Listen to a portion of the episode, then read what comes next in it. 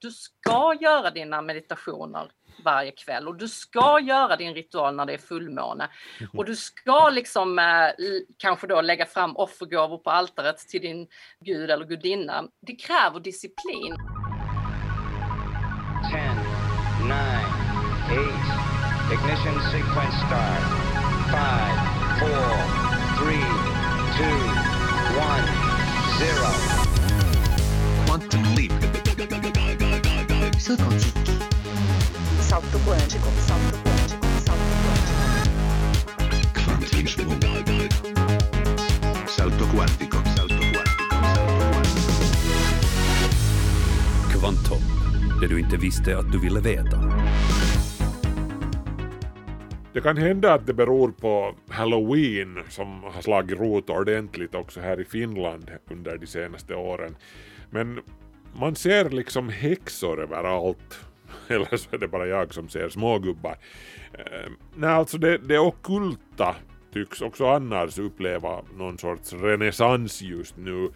Ehm, vi har all världens spådomsprogram på TV, spökjägare på Youtube. Min son älskar de här spökjägarna för övrigt. För att inte tala om alla datorspel och all litteratur med demoner och vampyrer och, och vem vet vad.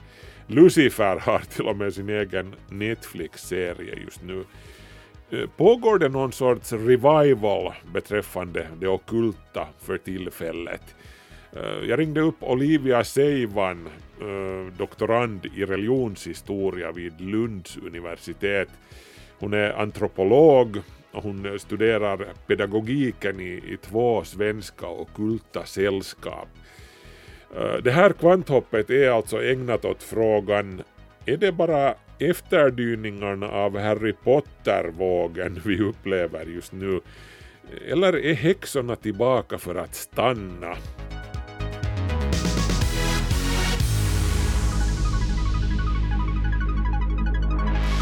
Jag heter Markus Rosenlund. Välkommen med. Wingardium Leviosa. System Aperium.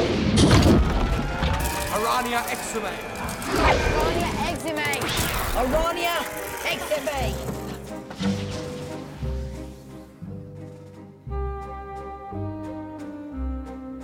Jag tror egentligen inte att det är så att att det egentligen rör sig om en revival eh, på så vis att det plötsligt har blivit superpopulärt utan eh, jag tror man får skilja på två saker här där det ena är hur pass mycket, eh, vad ska man säga, uppmärksamhet och eh, fokus finns det på det okulta i, i liksom populärkulturen, det allmänna medvetandet. Och där kan vi absolut säga att visst, vi, vi ser ju okulta inslag i allt från datorspel, serietidningar, tv-serier, film.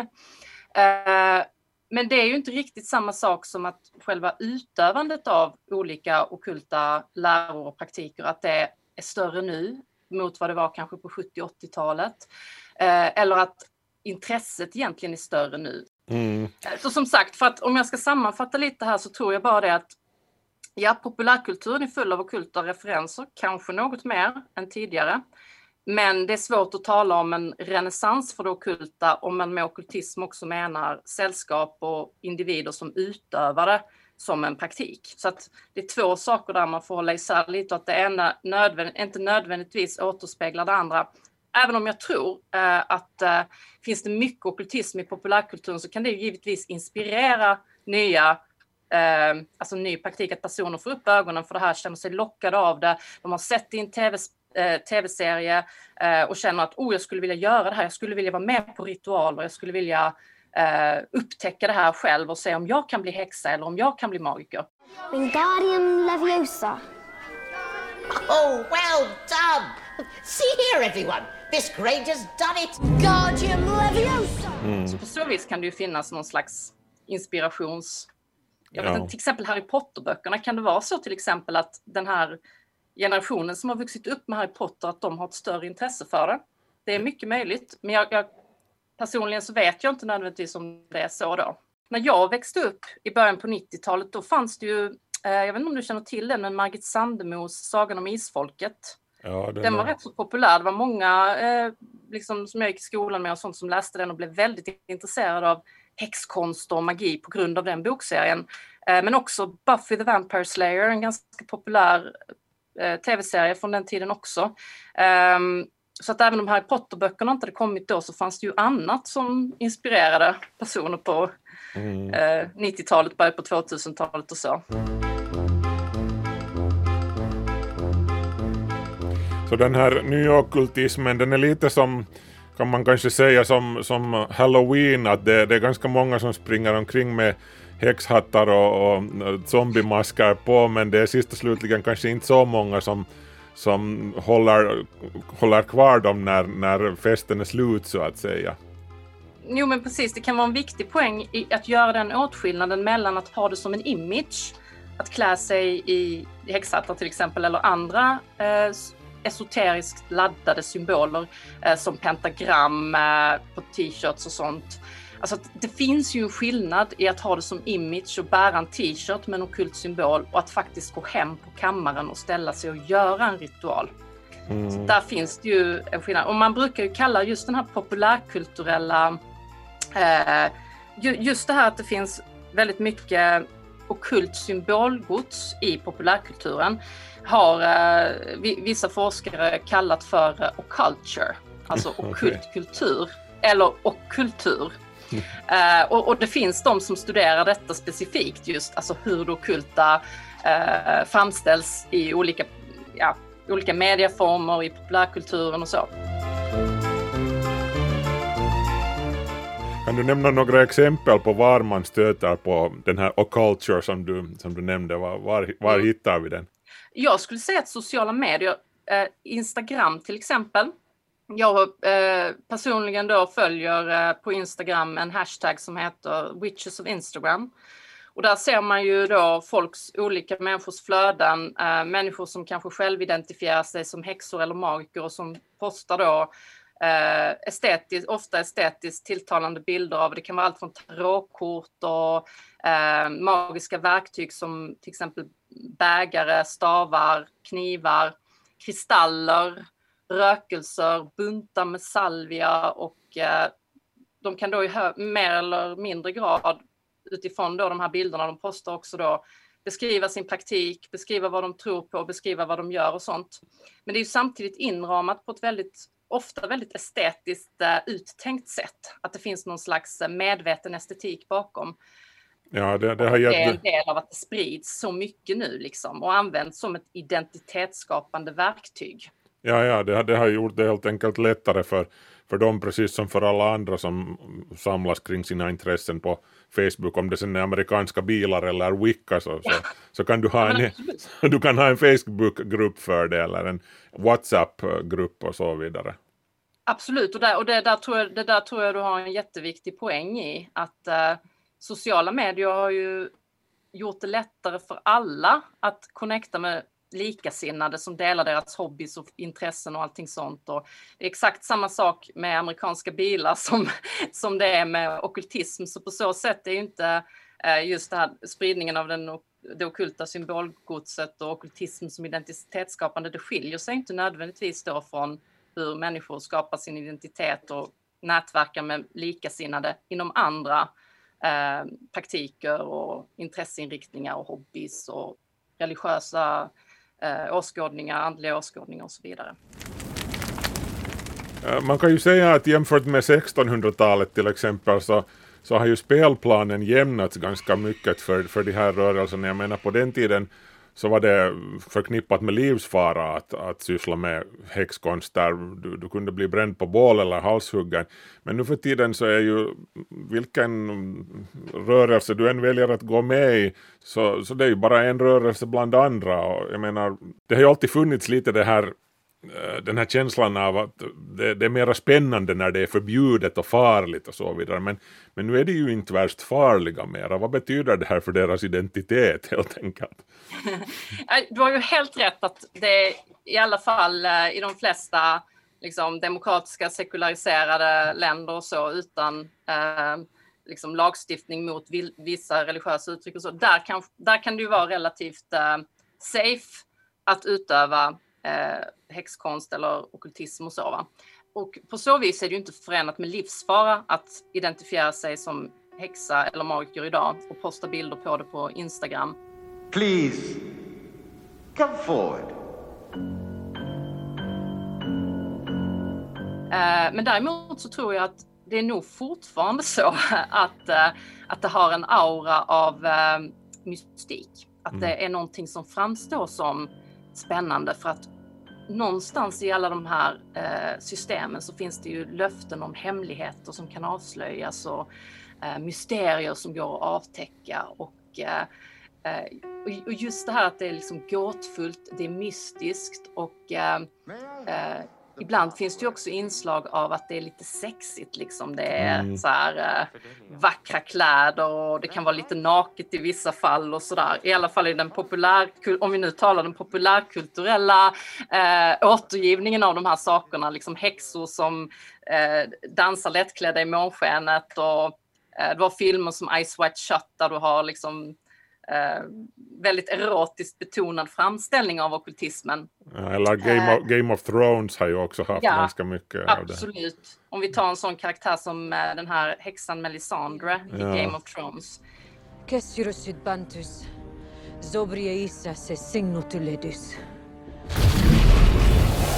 Det är ju både det här liksom, alltså eh, en, en mäktig kvinna, en kvinna som ja, eh, vacker och eh, åtråvärd och samtidigt livsfarlig för att hon har då eh, bemästrat de här magiska konsterna och så vidare. Så det finns ju, jag tror att liksom just det här, det är inte farligt för ditt liv, men det har en aura av det mystika och det gåtfulla som absolut skulle jag säga förstärks av hur det representeras i populärkulturen. What do we say to the god of death? Not today. Jag ska nog köpa en bok hur jag själv kan utöva magiska ritualer. Att det kan finnas det där. Man har fått upp ögonen för det via populärkulturen och man känner för att bli en, få del av den här, det här mysteriet. Ja, ja. För sådär hundra år sedan, kanske lite drygt, ville de som utövade okultism också få del av någonting helt konkret i samhället som kvinnans rätt att rösta till exempel. Det okulta gick på den här tiden ofta hand i hand med de sociala och politiska strömningarna. Det var ju så att eh, eh framförallt en eh, esoterisk lärare som kallade för, kallades för teosofi som grundades av en kvinna som hette Helena Petrovna Blavatsky. Eh, eh där har vi bara, bara där har vi en kvinnlig ledarfigur för en eh, andlig strömning och ideologi som på den här tiden under 1800-talet blev väldigt stor och väldigt populär, spreds över världen. Det var till och med så att företrädare för teosofin kom till Sverige och eh, kungen sköt kanoner till äran av, av att de kom dit. Men alltså det, det var väldigt eh, just populärt eh, och faktiskt ganska respektabelt att utöva. Det var inte så att det var förenat med socialt stigma att vara teosof. Mm. Men eh, då till, om vi tar suffragetterna till exempel. Det fanns, mång, det fanns ett överlapp där mellan att eh, många, eh, som, många kvinnor som kämpade för kvinnlig rösträtt och så var också teosofer. Eh, och eh, det kunde även handla om sånt som eh, eh vad heter det? Rep, reproduktion och reproduktiva rättigheter och sådär. Så, så det finns absolut en tendens till att eh, företrädare för eh, ja, okulta lär som till exempel då teosofin är ett bra exempel på att de har liksom gått i bräschen för eh, ja, progressiva samhällsfrågor, att driva dem framåt och så. Och det kan ju också bero på att liksom, okultismen har varit en del av avantgarde överlag, också i det konstnärliga avantgardet. Om vi tar Hilma af Klint som ett exempel där, eh, så har det också varit eh, knutet till sådana liksom ska vi kalla det progressiva rörelser både inom samhället och inom konst så att säga. Eh, surrealism. Det finns eh, väldigt starka kopplingar mellan ockultism och eh, avantgarde kan man säga. Sen så får man ju kanske hålla i åtanke då också att eh, vi kan också hitta liksom konservativa eh, idéer och konservativa tolkningar och sånt inom bland folk som kallade sig ockultister.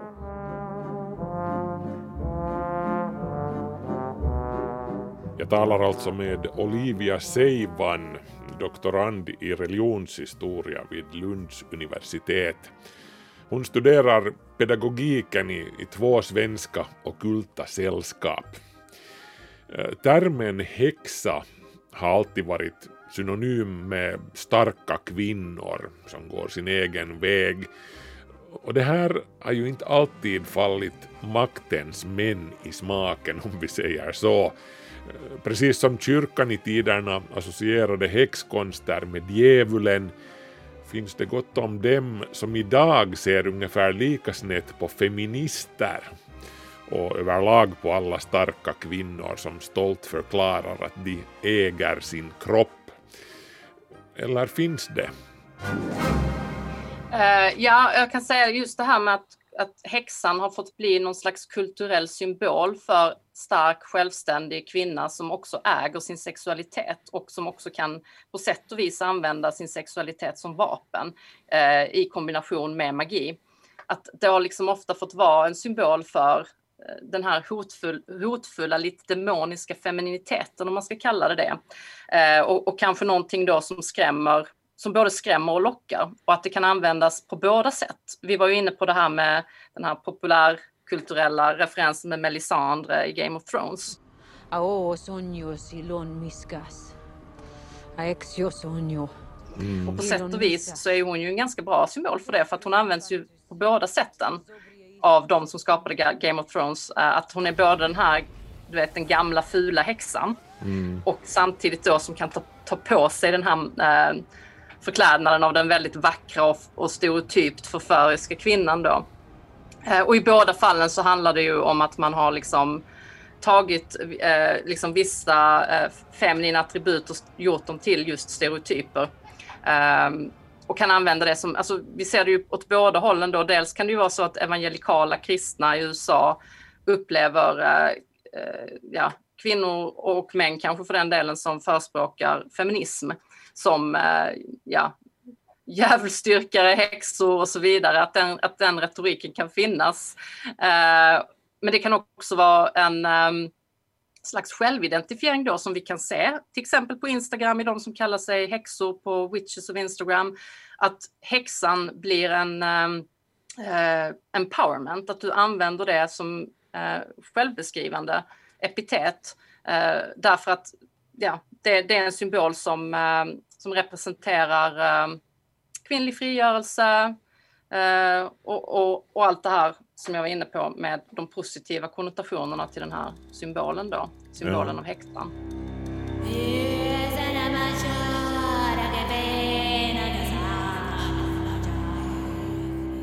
Vi har snackat en hel del om häxan i populärkulturen här med Olivia Seivan. Ja, ni vet den där typiska Hollywood-häxan eller Halloween-häxan för vilken det hela kanske inte är mycket mer än en kul grej helt enkelt. Men så har vi ju de där som tar det på lite större allvar, som tillhör okulta sällskap, som på riktigt tror på magi och, utför sina ritualer dagligen. Vem är de och finns det någonting som förenar dem? Eh, där skulle jag nog säga att, att, eh, att det är ganska kreativa personer som eh, eventuellt också från början har dragits till den här typen av praktik just för att de är eh, liksom kreativt lagda. De gillar att skapa saker och sådär. Det är nog ett gemensamt, alltså, om man nu ska liksom generalisera. Eh, sen ser jag ju alla de här personerna som är en del av min studie är ju eh, väldigt olika varandra. Alla är ju individer och sådär liksom att du vet, man har som antropolog i synnerhet så man, har man alltid en sån här enorm ovilja att generalisera mm. därför att alla är ju så unika och partikulära i sin egen manifesterade individualitet om du förstår vad jag menar. Ja. Men absolut är det ju så att det då finns gemensamma drag och jag skulle säga just att den kreativa och man skulle nästan kunna kalla det konstnärliga aspekten eh, är någonting som jag tycker ändå alla de jag har kommit i kontakt med, liksom, de uppvisar det eh, i, i hur de är, vad de är intresserade av och även då hur de praktiserar sina ritualer. Mm. Och jag skulle säga då också att det här är ju mer då eh, hemmamark för mig därför att här ser vi ju någonting som inte är eh, just den, de här stereotyperna som finns i populärkulturen. Ja, symbolen av häxan till exempel. Mm. Även de som jag studerar då som kallar sig wiccaner alltså och ofta då kallar sig häxor också, men wiccaner är ofta det begreppet de använder. Uh, det, det, är ju liksom, det är inte så att de försöker uh, leva som någon stereotyp Eh, bild av häxan som de har fått via eh, populärkulturen utan eh, där är ju rollen som häxa snarare någonting som präglas av vad de utövar, i, alltså hur de praktiserar det här, hur de praktiserar wicca och magi i sin vardag, där de ska liksom passa in fullmåneritualer mellan eh, att laga mat och gå i tvättstugan och eh, sköta ett heltidsjobb. Och, eh, många av de här människorna kan jag också säga då, om vi ska prata om, generali alltså om vi ska generalisera, är ju eh, alltså högutbildade människor som har Eh, heltidsjobb och, och, som helt enkelt måste då navigera en ganska ofta, en, ofta ganska eh, stressfull tillvaro eh, där de ska passa in den här praktiken och, och, och, där den här rituella praktiken i synnerhet är väldigt viktig för dem ja. att få till.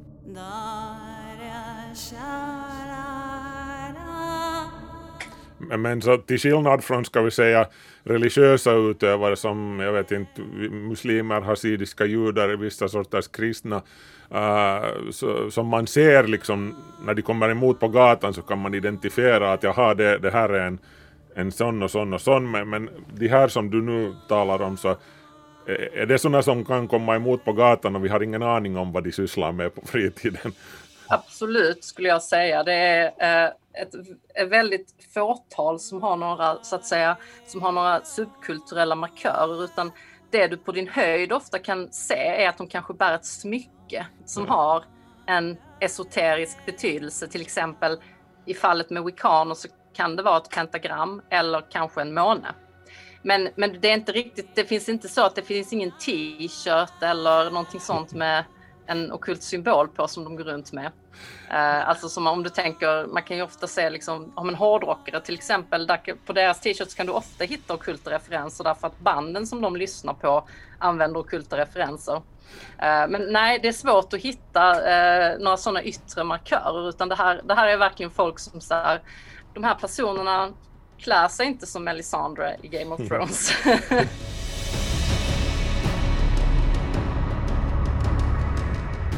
hur, hur ser de själva på de här stereotyperna, de här, de här populärkulturella bilderna som, som rör sig?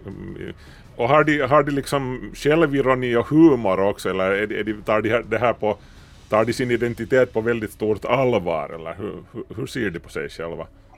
Jag skulle nog säga att eh, humor och självdistans är ett ganska utmärkande drag i de här grupperna som jag studerar, att man kan ha lite så här eh, självironiserande distans till eh, det man håller på med och ofta kanske då eh, i relation till hur häxor och magiker framställs i populärkulturen och också lite, du vet, skämta lite om då förväntningar. Från, mm. När det kommer nya människor till de här sällskapen så har ju ofta nybörjarna, de här nya personerna, just sådana förväntningar.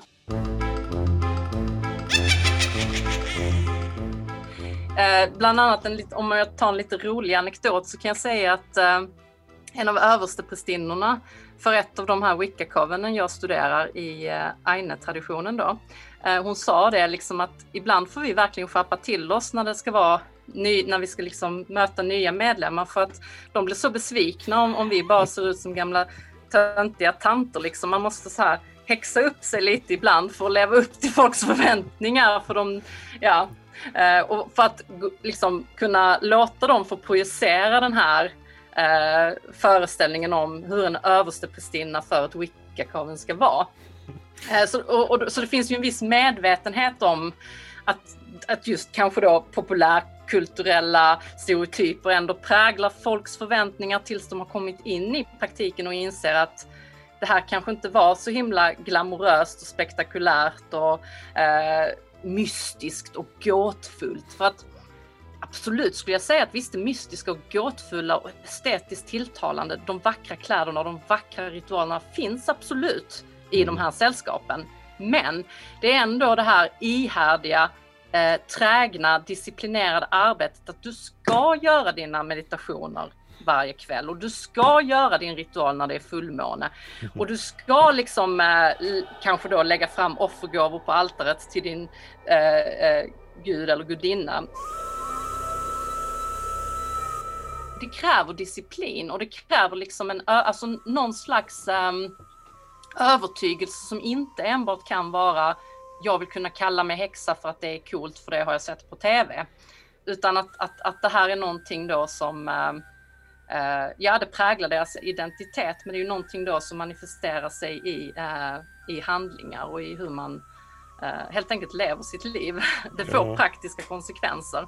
Ja. Och det, det är just det här systematiska, det här alltså inslaget av att du ska liksom göra det här, du ska träna dig, du ska långsamt bli bättre på att utöva ritualer och du ska långsamt bli bättre på eh, okulta förmågor som till exempel eh, divination eller det kan vara eh, att kanske ha vakendrömmar, så kallad lucid dreaming eller till och med astralprojicera, att kunna lämna din kropp och fara runt på astralplanet. Det här är ju färdigheter och förmågor som de flesta i alla fall inte föds med utan som måste tränas och där blir okulta läror ofta eh, just inte så gåtfulla, mystiska och romantiserande utan mer så hands-on, praktiskt. Du måste göra det här, du måste ha disciplin och du måste se till att få in den här rituella praktiken i din vardag mellan diskbänk och tvättstuga. Vilket är viktigare för de här utövarna? Är det, är det resan eller är det målet? Så att säga. Är det liksom de här ritualerna eller det, det som de vill uppnå med dem i slutändan? Vad det nu än är. Mm. Alltså i okulta läror ofta så har man ju pratat om eh, slutmålet som någon typ av upplysning. Ordet gnosis används ibland till exempel. Som är en, en typ av eh, Ja, det är ju väldigt abstrakt ofta så det är svårt liksom att sätta fingret på vad det är, både för mig som forskare faktiskt och eh, även för de som utövar det här. Så att jag tror inte, alltså min spaning utifrån vad jag vet hittills är att det är inte så mycket de här abstrakta målen på någon form av andlig upplysning eller att eh, självrealisering, att uppnå sitt högre jag. Eh, det är inte det som driver den här eh, praktiken i vardagen, det här som man gör varje vecka, år ut och år in, det trägna arbetet, utan det är snarare just den här, eh, det det ger i din vardag. Att till exempel meditationen får dig att slappna av och kanske bli mer kreativ, minska dina stressnivåer. Att det ger en genomgående känsla av meningsfullhet. Att ritualerna du gör i din vardag skapar en känsla av mening och kontakt med till exempel gudar, men det kan också vara andra just eh, övernaturliga eh, entiteter eller bara helt enkelt en bättre kontakt med dig själv. Att du, att, eh, jag har hört många ge uttryck för just det här att det centrerar dem i sig själva, att de får mer koll på vilka de är, att de utforskar sitt inre. För det finns den här tanken om att genom att utforska dig själv och dina egna liksom, fördolda djup så kommer du också eh, att, att kunna få kunskap om hela kosmos för att det inre, som de kallar då i okulta läror, ofta kallas för mikrokosmos, korresponderar med makrokosmos. Mm. Det som ligger här ute i form av planeter och stjärnor och allting sånt, att det finns en förbindelse mellan då det mest partikulära och det mest generella då i form av, av hela kosmos. Att det finns ett spegelförhållande där.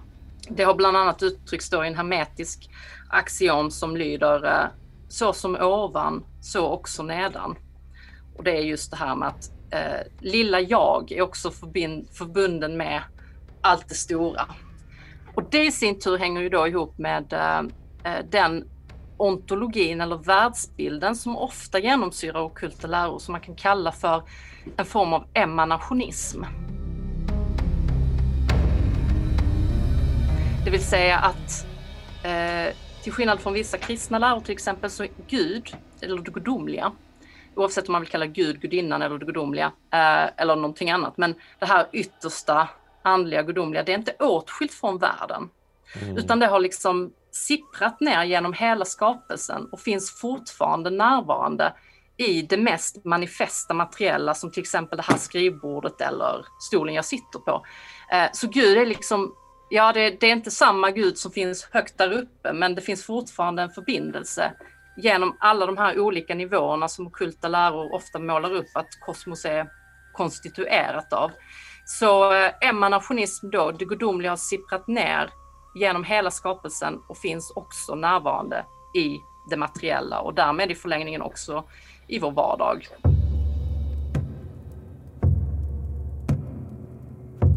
Till slut ännu en, en personlig fråga. Du, du som har, har liksom, du har ju på riktigt för din, dina studier fördjupat dig i de här ritualerna och utfört själva de här, eh, de här ritualerna till och med dagligen och, och så här. Hur, hur, hur, är du, hur har det varit att hålla isär liksom ditt objektiva forskarjag och din, din kanske personliga fascination för det här? Har du känt dig liksom mer eller mindre, har du liksom blivit lite, känt att du på något vis har blivit förför, förförd av den här världen eller, eller, eh, eller liksom är det fortfarande på ett separat plan? Liksom, kan, kan du bibehålla din, ditt objektiva forskarperspektiv fortfarande? Mm, nej, men det är en väldigt intressant fråga och det, det där är ju den, den klassiska frågan för en antropolog, eh, mm. rent metodologiskt. För att antropologer har ju i många decennier gett sig ut på fältarbete. Att man liksom, du vet, du går då till eh, den kulturen som du vill studera och sen så försöker du att immersa dig själv, lära dig allt som finns i den kulturen, språket, ritualerna, vad de gör, för att få den här eh, kunskapen om kulturen från insidan. Att inte bara studera någonting utifrån eller genom texter utan att också faktiskt genom att försöka bli en del av det man studerar. Och det är precis som du säger, it begs the question. Uh, ja, men om man har gått in i någonting, men, men då är man ju inte objektiv längre. Hur, hur kan man då studera det? Och, och, då, uh, och uh, det är ju så att man helt enkelt distanserar sig i efterhand. Så att det är ju så att medan jag är med på en ritual bland någon av de här grupperna Eh, så är det ju inte så att jag under ritualen eh, går med ett anteckningsblock och tar noter för allting de gör, utan då försöker jag helt enkelt att gå all in med en slags eh, eh jag skulle nog inte säga distans, men snarare så här va, att uh, I suspend my disbelief det är inte viktigt om jag tror eller inte tror, utan jag ska bara som ett barn då gå in i det här och bara yes, det här är på riktigt och försöka så mycket som, jag som möjligt att liksom bli en del av upplevelsen. Eh, för att få, liksom försöka få en känsla för vad det är. Analytisk distans skapas i efterhand när jag återvänder till min skrivbordshorisont. När jag sitter framför min dator och renskriver då för att efter en sån här ritual då så skriver jag ju naturligtvis alla de där anteckningarna, men det gör jag efteråt, inte under tiden och det är viktigt. För den, som jag sa då, den analytiska distansen skapas i efterhand när jag reflekterar över min upplevelse. Vad har jag varit med om? Vad hände och vad betyder det här och vad är relationen med det, med det de gjorde i den här ritualen och hur det påverkade mig med de här teorierna som jag använder till exempel då. Va? Så att, um, jag reflekterar över konstant eh, min egen inblandning och, och hur jag reagerar, inte som forskare utan som hel människa. För att jag har haft upplevelser i fält som har påverkat, inte min forskarperson, utan påverkat hela mig. Så jag gör i fält ingen sån åtskillnad att nu är jag bara här som forskare, utan man får sätta sig själv på spel lite grann och våga gå in i det här helhjärtat. Eh, och sen hela tiden väl medveten om att eh, distansen och analysen, den, det går jättebra att, att göra den efteråt. Mm. Eh, och det kallas för självreflexivitet för övrigt och det är ett av liksom nyckelbegreppen inom antropologisk metod. Att vi kan, vara, vi kan faktiskt medvetandegöra vår egen närvaro och vår egen roll och vår egen respons på saker i fält. Och det är ju en del då av eh, forskningsprocessen. Jag kommer att tänka på en filmkritiker som, som går in i salongen och, och liksom just som du säger suspension of disbelief att man, man, man för stunden så går man med på att jag, jag köper nu den här regissörens vision och, och så följer man med filmen liksom med hela sin, sin kropp och, och, och sinne och, så vidare så, så kommer man ut ur salongen och så går man och skriver den här recensionen. Ja. ja, det är faktiskt en ganska bra analogi för hur det är. Och, det, och det, är just, liksom, det, är just det att, att, bara för att vi som människor har väldigt intensiva upplevelser av någonting så betyder inte det att vi inte kritiskt kan granska det också. Det är bara det att det är svårt att göra båda samtidigt. Ja, Till exempel också, ja, men som du sa, men att, man blir, att man lever sig in i en film. Eller att en, en sån äh, grej som att man blir förälskad till exempel. Det är ju en sån klassiker, liksom, att det kan ju även den mest rationella, distanserade av kärnfysiker bli. Det innebär ju inte att den personen inte sen klarar av att genomföra en vetenskaplig analys, eller hur? Utan det innebär ju bara att liksom, men du vet, äh, mm. varje sak har sin tid och sin plats eller någonting sånt.